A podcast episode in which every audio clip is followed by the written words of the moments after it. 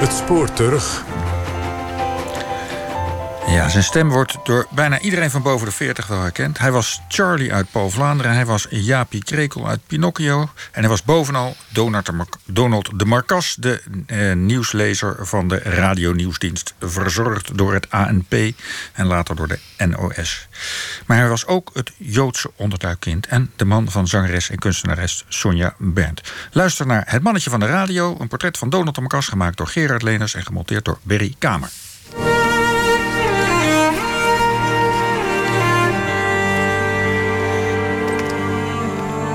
de artisticiteit van moeder, maar het makkelijk kunnen omgaan met mensen van vader. Dat heb ik geërfd.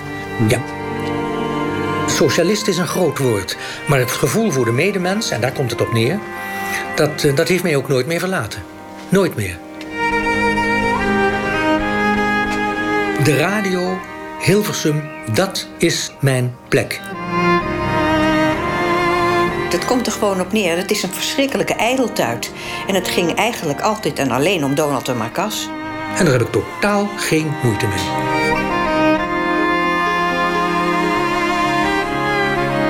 Ik heb een fantastische jeugd gehad.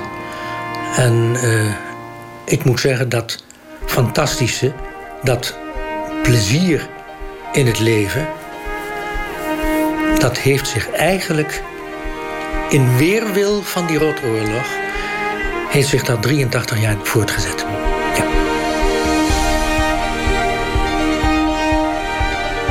Uren en uren hebben we zitten praten aan de eettafel in het huis van Donald de Marcas en zijn vrouw Sonja Bernd. Met veel koffie, tussen de middag heerlijke broodjes en als het gesprek voor die dag is afgelopen, altijd is Meven onderweg en wuivende handen. Tijdens de gesprekken schuift Sonja regelmatig papiertjes met namen of herinneringen in het zicht van Donald. Het leven van Donald Moritz de Marcas, zoon van Martijn de Marcas en Olga Hes, begint op 29 juni 1933, na een moeizame geboorte. Ik was enig kind.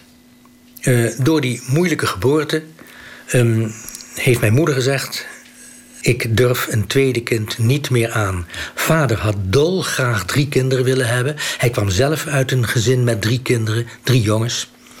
Maar moeder durfde dat niet meer aan. Ik werd niet verwend.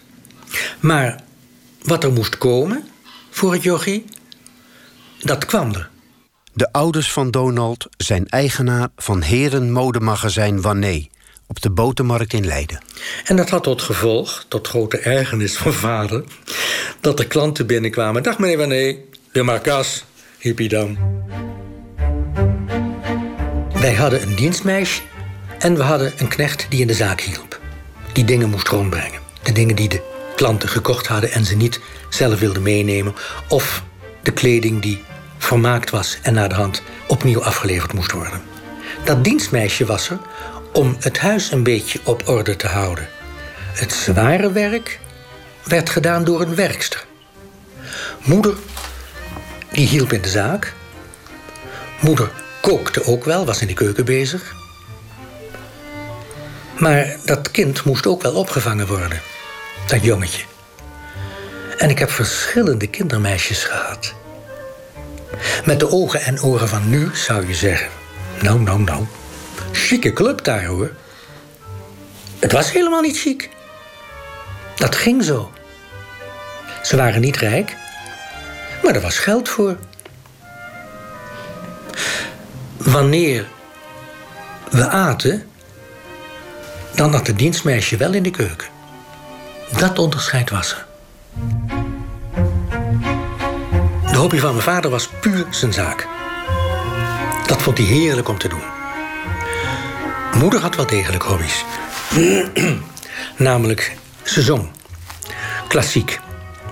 Haar hele leven heeft ze klassiek gezongen. Daar heeft ze zelfs mee opgetreden. In de Stadsgehoorzaal onder andere, in Leiden, aan de Breestraat. En ze zat in het toonkunstkoor. En, ja verdomd, ze zat nog in een ander koor ook. Het, het koor van huisvrouwen, huisvrouwenkoor. Ze heeft heel veel bij ons thuis gezongen, gerepteerd. De bergerettes, de onvermijdelijke bergerettes.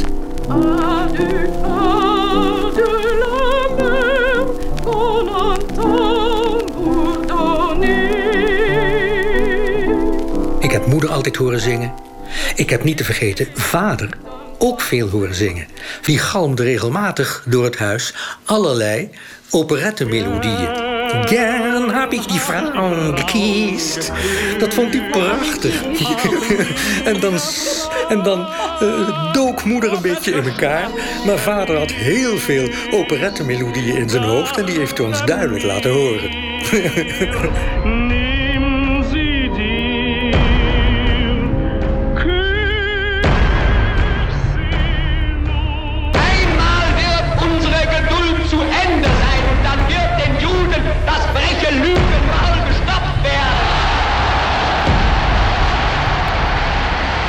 Wij gingen zo nu en dan naar het strand. En ik zal nooit, nooit, nooit vergeten dat de stemming toen der tijd heel gedrukt was. Men sprak zachter, men sprak heel bezorgd. Vader met gefronste wenkbrauwen. En toen hadden ze het over de naderende oorlog. Ze hadden het over de vervolging toen al, het antisemitisme in Duitsland. De kleur, de smaak proef ik nog steeds van dat gesprek. Dat was de eerste keer dat ik in de gaten had dat er iets heel ergs op komst was. Of eigenlijk al aanwezig was bij onze buren. Halsjäger! Nun ist unsere Stunde gekommen.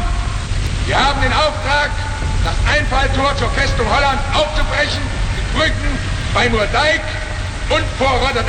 Op 10 mei 1940 herinner ik me dat ik in mijn bed lag in het slaapkamertje. Dat grensde aan de slaapkamer van moeder en vader.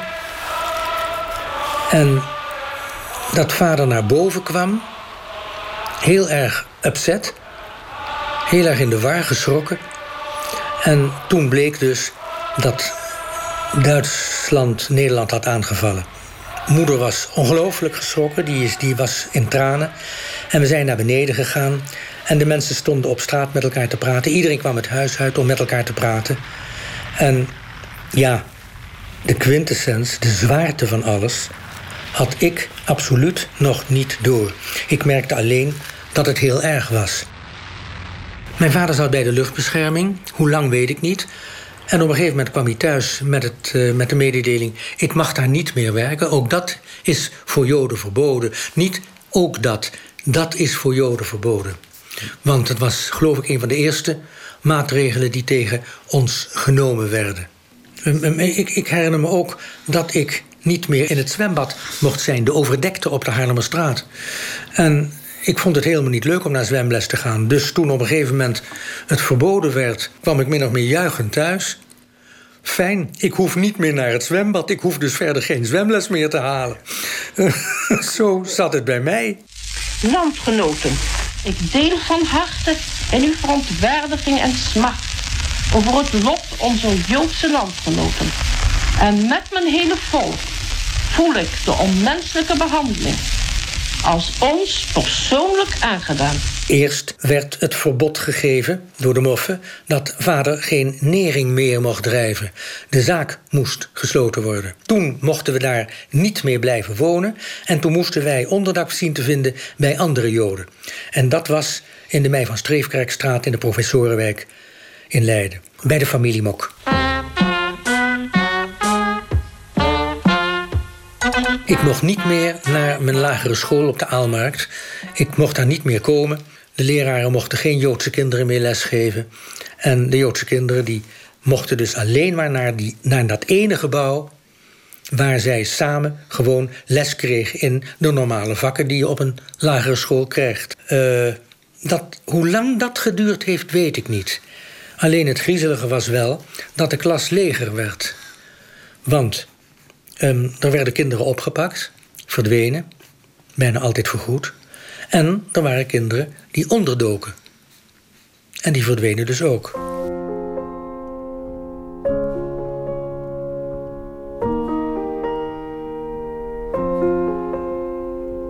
Op een gegeven moment ging de deur van mijn slaapkamertje open.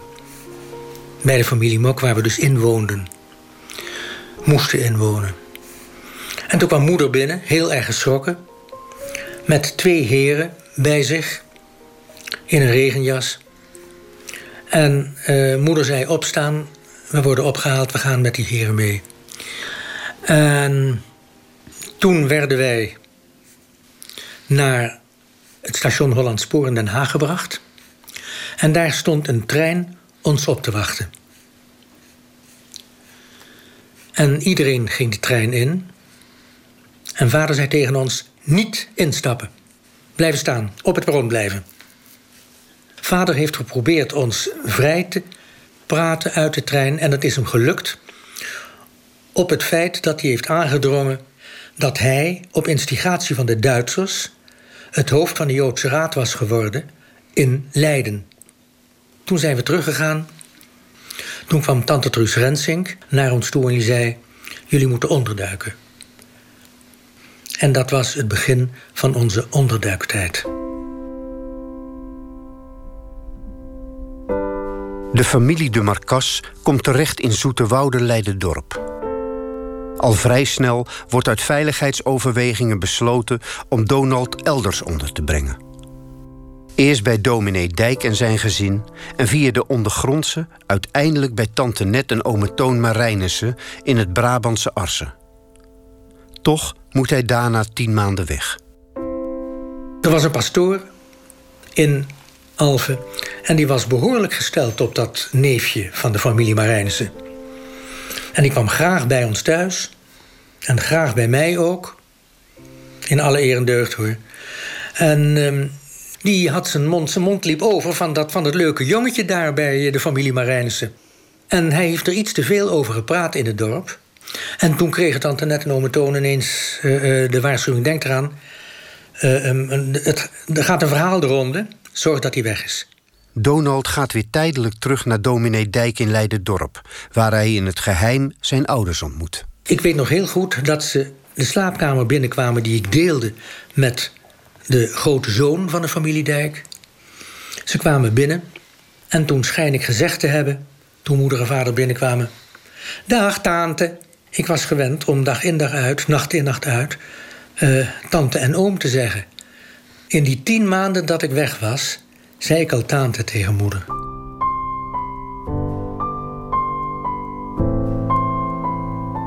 Mijn laatste onderduikplek, dat zou worden het jongensweeshuis in de Kapucijnenstraat in Tilburg. En daar was ik een weesjongetje, Jan van den Heuvel. En ik heb daar dus in het weeshuis een niet onprettige tijd doorgemaakt. Je was met niet anders dan een heleboel vriendjes, een stuk of 30, 35. En dat waren echt allemaal weeskinderen. Je had een, op, een, op een plezierige manier trok je met elkaar op. Men was heel lief voor mij. En we werden natuurlijk geholpen. Uh, uh, met alle mogelijke dingen. Niet alleen met kleding, maar ook als er één keer in de week een grote wasbeurt moest plaatsvinden. de wat grotere jongens deden het zelf, de wat kleinere jongens um, die werden geholpen. En ik werd geholpen door frater Ezekiel. Die hielp me graag bij het douchen en bij het wassen en zo. Maar niets dan liefs over die man.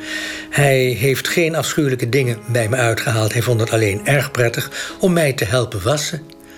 Nou, ik hoop dat hij in de eeuwige zegen van de Heer daarboven... dat nog steeds met andere engeltjes kan doen. Maar hij heeft, nee, nee, nee, hij heeft niets met mij uh, kwalijks gedaan. Hij heeft, mij gewassen, dat wel. En misschien beneden wat meer dan, dan boven, dat weet ik niet. Maar ik, ik, 27 oktober 1944 wordt Tilburg bevrijd. Maar Donald kan pas eind mei 1945 naar Leiden terugkeren. De hereniging met zijn ouders valt tegen. De zachtheid, de warmte, het, het, het gevoel dat ik vroeger thuis had, dat was er niet meer. Ten eerste was ik die twee mensen volkomen ontgroeid. Die twee mensen die mijn ouders bleken te zijn. Uh, ik wist dat het mijn ouders waren, want ik herkende ze wel. Maar um, datgene wat ik in mijn hoofd had zoals het vroeger was, was compleet verdwenen. Moeder en vader hadden natuurlijk hun onderduikachtergrond. En ze kwamen er zo langzamerhand achter dat uh, het merendeel van hun familie vermoord was. Moeders zus met de hele familie. En het hele gezin, moet ik zeggen. Vaders beide broers, ook met alle kinderen op één neef en één nicht na, allemaal waren opgepakt, op transport gesteld, weggevoerd en vermoord. Punt uit. En dan praten we nog niet eens over de vele, vele nichten en neven. En uh, uh, moeder en vader hebben daar wel eens een optelsom van gemaakt. Nou, dan kom je in de tientallen, tientallen, tientallen. Toen heb ik beiden ontzettend vaak en langdurig zien huilen. Dat is voor een kind schokkend. Om je beide ouders zo ontzettend te zien huilen. De bevrijdingsfeesten die werden overal in Nederland gevierd. En dat ging met muziek en dans. En er werd gehost en gezongen en weet ik veel wat er allemaal gedaan werd. En er was een dans die de bevrijders hadden meegenomen en dat was de Hokey Pokey.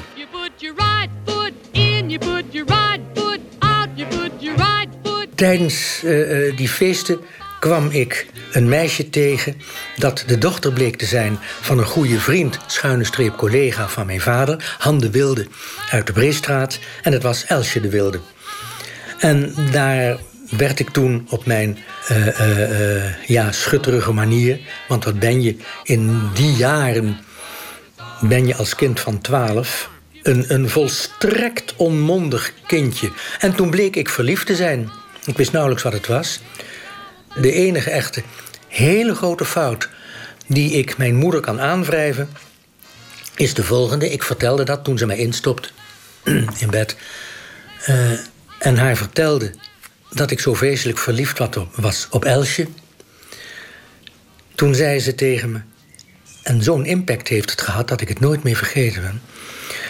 Ach jongetje, dat gaat wel over, dat is kalfgeliefde.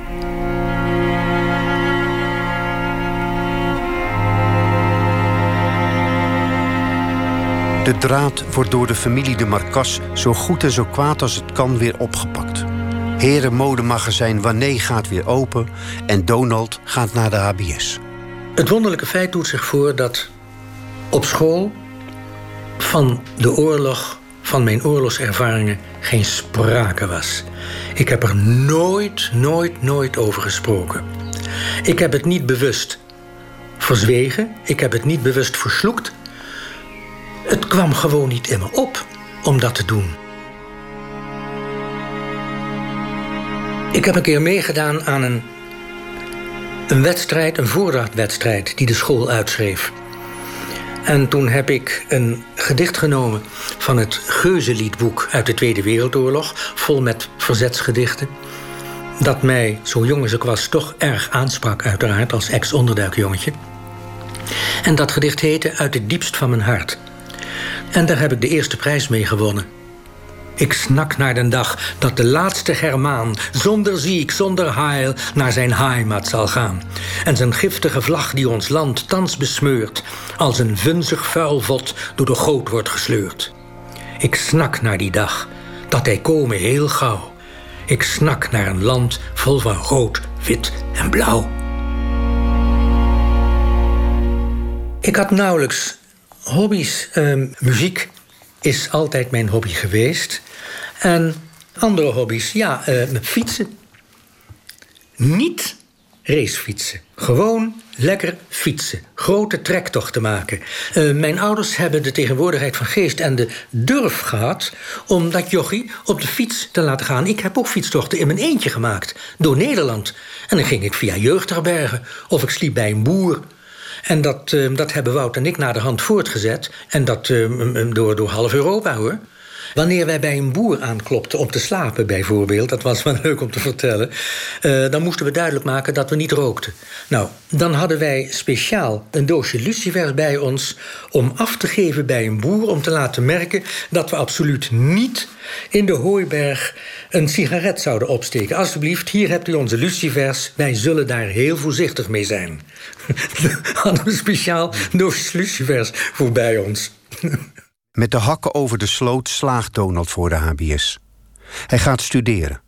Eerst MO Nederlands in Den Haag, maar al snel verhuist hij naar Rotterdam, waar hij naast zijn studie ook gaat werken als corrector bij de nieuwe Rotterdamse Courant en het Algemeen Handelsblad. Ik voelde dat ik bij mijn ouders weg moest, omdat de vrijheid die zij mij gunden niet de vrijheid was die ik mezelf had toegedacht.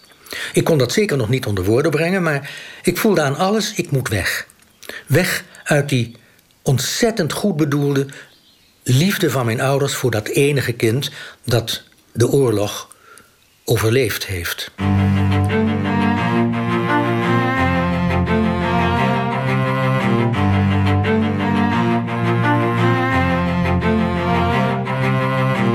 Toen besefte ik na een paar maanden ineens, en dat is dus een teken dat je iets volwassener begint te worden. Toen besefte ik dat ik mijn ouders niet miste. Ik had alleen maar iets van, hè hè, vrij. Ik kan doen en laten wat ik wil.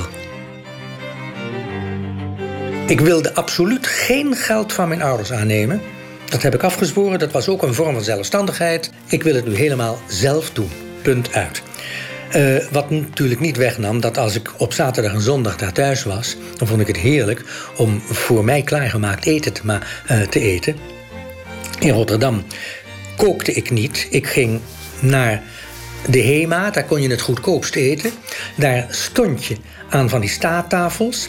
Een hapje te eten, spotgoedkoop, zo goedkoop mogelijk alles. ik heb heel, heel slecht voor mezelf gezorgd. Want op een gegeven moment merkte ik dat mijn tanden gingen loszitten. En toen schrok ik me werkelijk rot. Die bewogen. Dus toen ben ik als een gek kaas en groenten en fruit gaan kopen en eten en zo.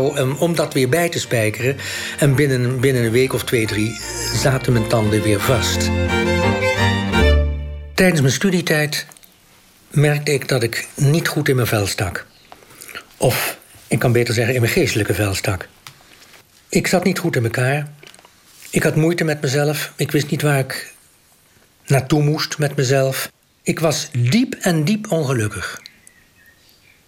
En toen dacht ik, ik ga hulp halen. Ik had een heel laag zelfbeeld. Ik vond dat ik bijna niks kon. Uh, ik was ook in mijn ogen, en dat heb ik heel lang gehad, een veel te kleine man. Jongeman in dat geval toen in die tijd. Uh, het contact leggen met meisjes ging heel moeizaam. En als het meisje wat groter was dan ik, en dat gebeurde heel vaak, dan uh, werd me min of meer binnen een paar keer duidelijk gemaakt dat ik toch niet de ware was. Blauwtjes gelopen dus. Het ging om Donald die, die ongelukkig was.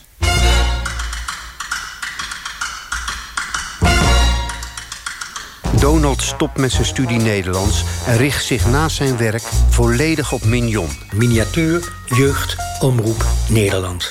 De AVRO. Ze wilden jeugdprogramma's maken. ze waren al bezig jeugdprogramma te maken. Maar ze wilden dat coördineren en afdelingen stichten in het land zodat iedereen die het leuk vond om met radio bezig te zijn, daar iets in kwijt kon.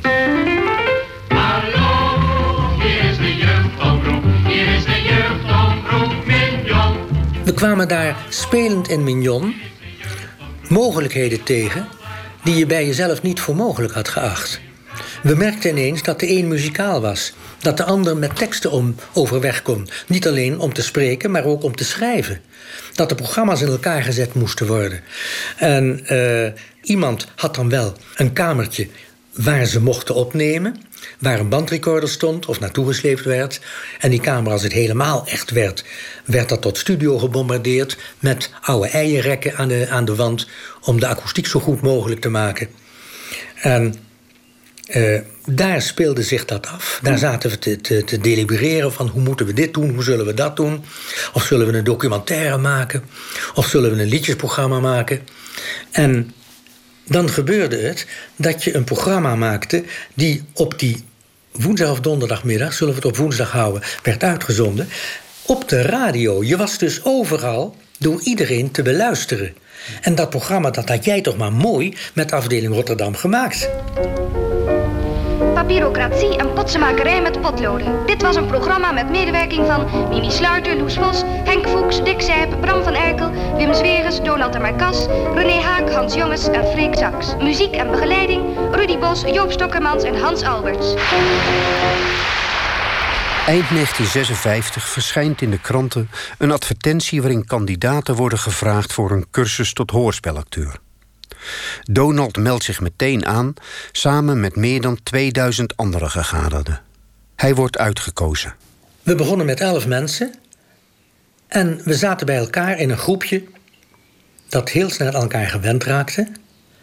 En toen merkte ik voor het eerst van mijn leven... het zijn mensen die op dezelfde manier praten en denken... en dingen ervaren zoals ik dat dacht en praatte en dacht en ervoer. Die weerklank, die herkenning, had ik nooit eerder in mijn leven meegemaakt. Het, het, het praten en denken over muziek, over taal, over tekst. Je was gelijk gestemd. Ik wist het, dit, dit, dit, dit is de plek.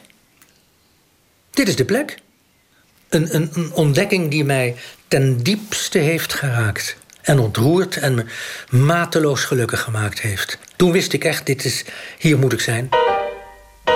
Daarnaast deed ik nog mee aan Mignon-uitzendingen, omdat ik het weer zo leuk vond. Ik verdiende er geen cent mee, maar ik vond het zo heerlijk om daar te acteren, maar vooral te zingen. Ik heb me suf gezongen in het kader van Mignon. Dat was heerlijk. Het liedje dat volkomen terecht de eerste prijs kreeg was Excentriek, gebracht door Donald de Marcas. We zijn een beetje excentriek. Nee, niet direct zo, dat banale. Van baarden groeien en sandalen. Maar van dat ware, lekker chic. De eerste hoorspelcursus is tenslotte geëindigd met het toelaten van negen mensen tot de hoorspelkern. Dat was natuurlijk helemaal geweldig. Je kwam op een proefcontract te staan, dan mocht je meedraaien, voornamelijk met je adem ingehouden in hoorspelstudio's meemaken hoe jouw, wie weet, aanstaande collega's het ervan afbrachten. En dan moest je jij en jou tegen zeggen. Wiesje Bouwmeester, die, die toen al iets van 60 was. Nee, zeg maar Wiesje, niet mevrouw Bouwmeester. Uh, uh, ja, me, uh, ja, Wiesje. Um, zo ging dat.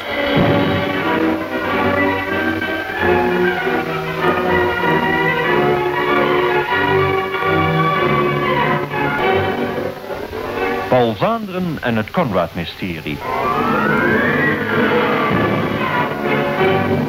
Paul Vlaanderen was een toen ter tijd heel beroemde detective radioserie, hoorspelen.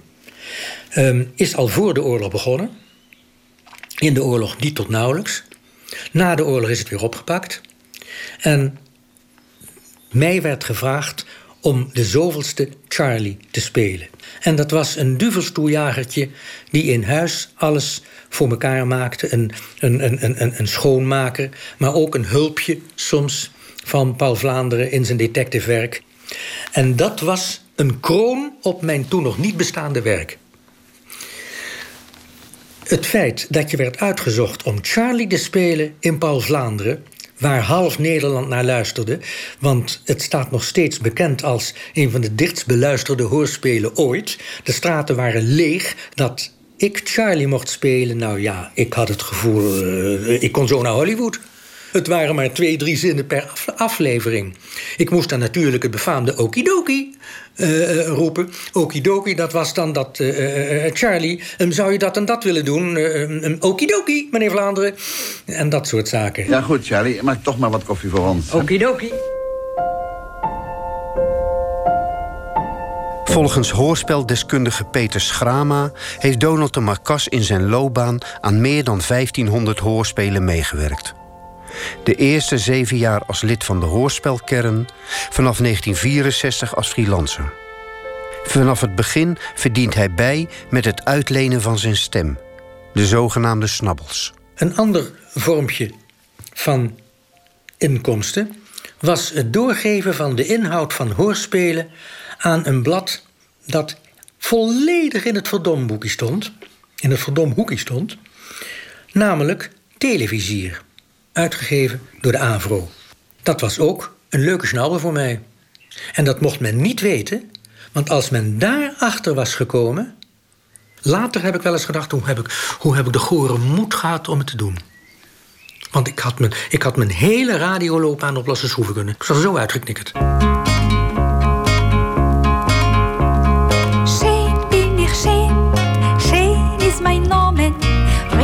Is vom Samer Raboinem. Raboinische Teure ist doch sehr groß. Bin ich bei mein Mann, wenn er lichtige Reus. Toen hoorde ik een programma, Shir Umachel. En daar was een zanger bij. En een zangeres die zich Sonja Berndt noemde. En ik hoorde haar op de radio. En ik dacht van, godverdomme, wat een mooie stem is dat zeg. Jezus. En eh, ik dacht van, nou, ehm, ik wil die meid wel eens een keer zien. En daar was toen toevallig haar verloofde bij. Toen wist ik meteen van, oh, dat is dan jammer. Sonja Berndt is in 1938 geboren als Sonja Ossendrijver. Vanaf eind jaren 50 treedt ze op voor radio en tv met volksliedjes. Vooral Jiddische en Israëlische. Een paar jaar na de eerste ontmoeting komt Donald haar weer tegen bij een artiestenbeurs in Rotterdam. En ik had net uh, een paar liedjes gezongen, mezelf begeleidend aan de piano. En de mensen die in de zaal zaten waren allemaal mensen van jeugdhonken, van sociëteiten, van volkshogescholen, van een Nivon niet te vergeten, waar we graag voor opgetreden hebben. En, en, en iedereen zat daar te luisteren wat wij konden. Dat schreven ze op. En naar aanleiding daarvan konden zij ons en vele andere mensen uitnodigen. Dan wisten ze wat voor vlees ze in de kuip hadden. En ik kwam Sonja tegen toen zij op weg was en ik net klaar was. Toen heb ik Sonja's gitaar gedragen naar dat hotel toe. Zij heeft die tien minuten gezongen daar. En uh, uh, bij het afscheid heb ik mijn eerste zoen gegeven.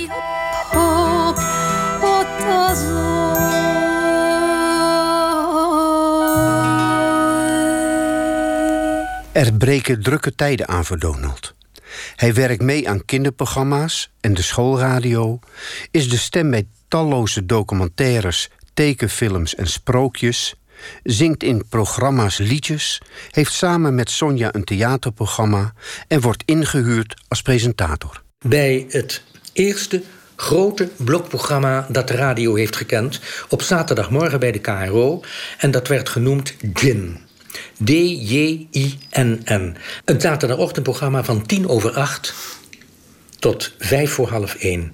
Iedere zaterdagochtend. Dat heb ik minstens 15 jaar gedaan.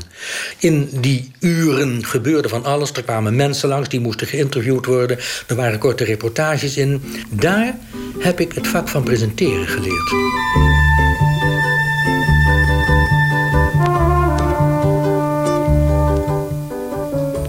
Plaatje ben je geneigd wat zachter te spreken. Hilversum 3, KRO, Gen. Van 12 tot 1 uur, ons uur, uitbesteed. Vandaag... En toen van de een op de andere dag hield die freelance bezigheid op. Ik heb toen gesolliciteerd bij de VARA. Daar ben ik aangenomen door Koen Sarré.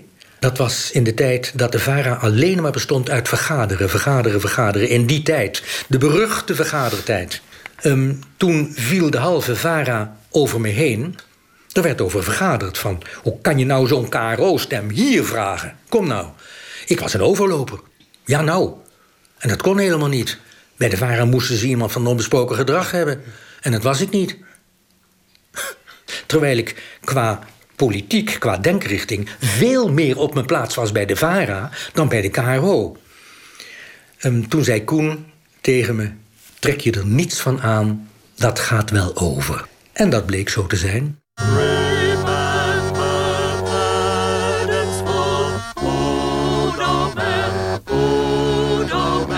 En alsof hij nog niet genoeg te doen heeft, sluit Donald zich aan bij Studio Laren. Een ensemble voor oude muziek onder leiding van Marijke Ferguson. Bij haar heb ik toen om te beginnen veel teksten in die oude taal gesproken. Ik wist een beetje hoe dat moest. En toen ben ik van Lieverlee ook gaan zingen bij Studio Laren. Heel veel middel-Nederlands repertoire gezongen. En Marijke heeft wel op mij moeten inpraten. Ik had geen conservatorium. Ik was bang dat ik niet goed genoeg was. En daar heeft Marijke bij het repertoire dat ze uitzocht voor mij wel degelijk rekening mee gehouden.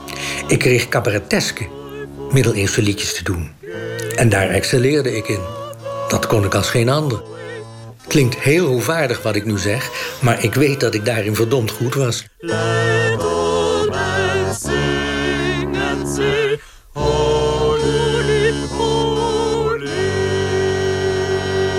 Ik ben daar natuurlijk tot en met aan mijn trekken gekomen, omdat ik en met het Middel-Nederlands te maken had. Ik hou erg van die taal. En met die oude muziek. We hebben heel veel optredens gehad.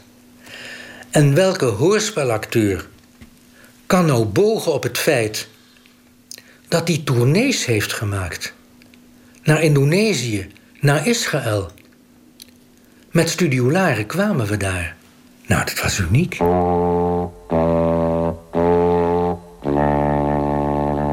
Even wat lossingsberichten van de duiven. Afdeling A, kring 2, Bergen op Zoom, vermoedelijk 12 uur. Ik heb toen als freelancer in die tijd ook behoorlijk vaak nieuws gelezen.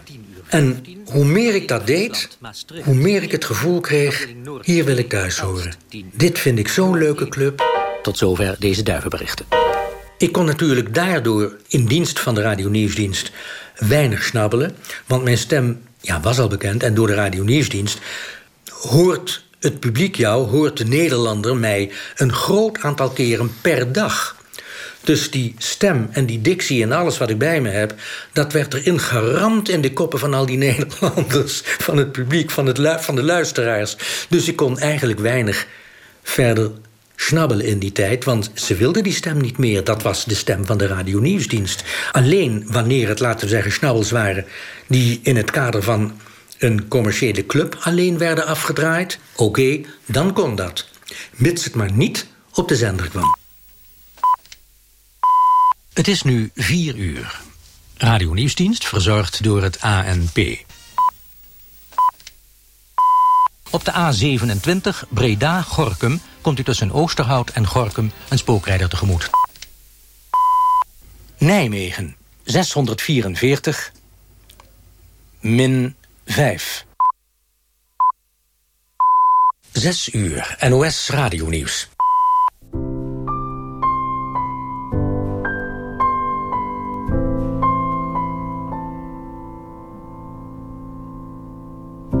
Juist in die periode van eindelijk relatieve rust...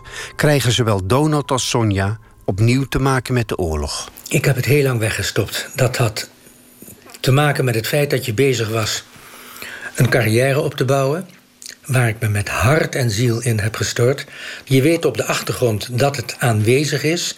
maar je laat het niet toe. Maar op een gegeven moment is er iets in je... en daar kan je helemaal niets aan doen... dan dringt het zo naar voren dat, je er, dat het niet meer hanteerbaar is. Sonja en ik merkten dat bijvoorbeeld, dat we eh, om het minst of geringste wat de oorlog betrof, um, in tranen waren. Dat we regelmatig huilbuien kregen, veel meer dan anders. Uh, um, toen zijn we hulp gaan halen. Um, we konden het zelf niet bolwerken. We zijn daar in het begin twee keer zelfs per week geweest. Toen één keer per week. Toen één keer in de veertien dagen. Toen op een gegeven moment bleef ik over. En ik heb daar ook nog heel wat, heel wat voetstappen liggen. Om uh, ja, het een en ander door te praten. Dat, dat, laat je nooit meer, dat laat je nooit meer los. Op 28 april 1998 leest Donald de Marcas zijn laatste nieuwsbericht. En sluit af met de woorden... Dat was het dan. Het gaat u wel een goed. Ik heb vaak gezegd dat als de oorlog er niet geweest zou zijn, dan was er nauwelijks aanleiding geweest om mij Jood te voelen. Onderduiktijd en na de onderduik de confrontatie met het feit dat het allergrootste deel van mijn familie, godzijdank niet van ons gezinnetje, domweg opgepakt, uh, op transport gesteld en vermoord is in voornamelijk Auschwitz en Sobibor. Daardoor ben ik me meer Jood gaan voelen. Het enige gevolg daarvan, kan ik zeggen, is dat uh, zowel Sonja als ik een uh, bepaald niet plezierige rugzak hebben, die nooit meer leegkomt. De oorlog is pas over. Bij mijn laatste snik zeg ik altijd. Het is zo'n onlosmakelijk en niet weg te gummen onderdeel van ons leven en ons denkpatroon geworden ook. Daar, ont, daar ontkom je niet aan. Je kunt er niet aan ontkomen.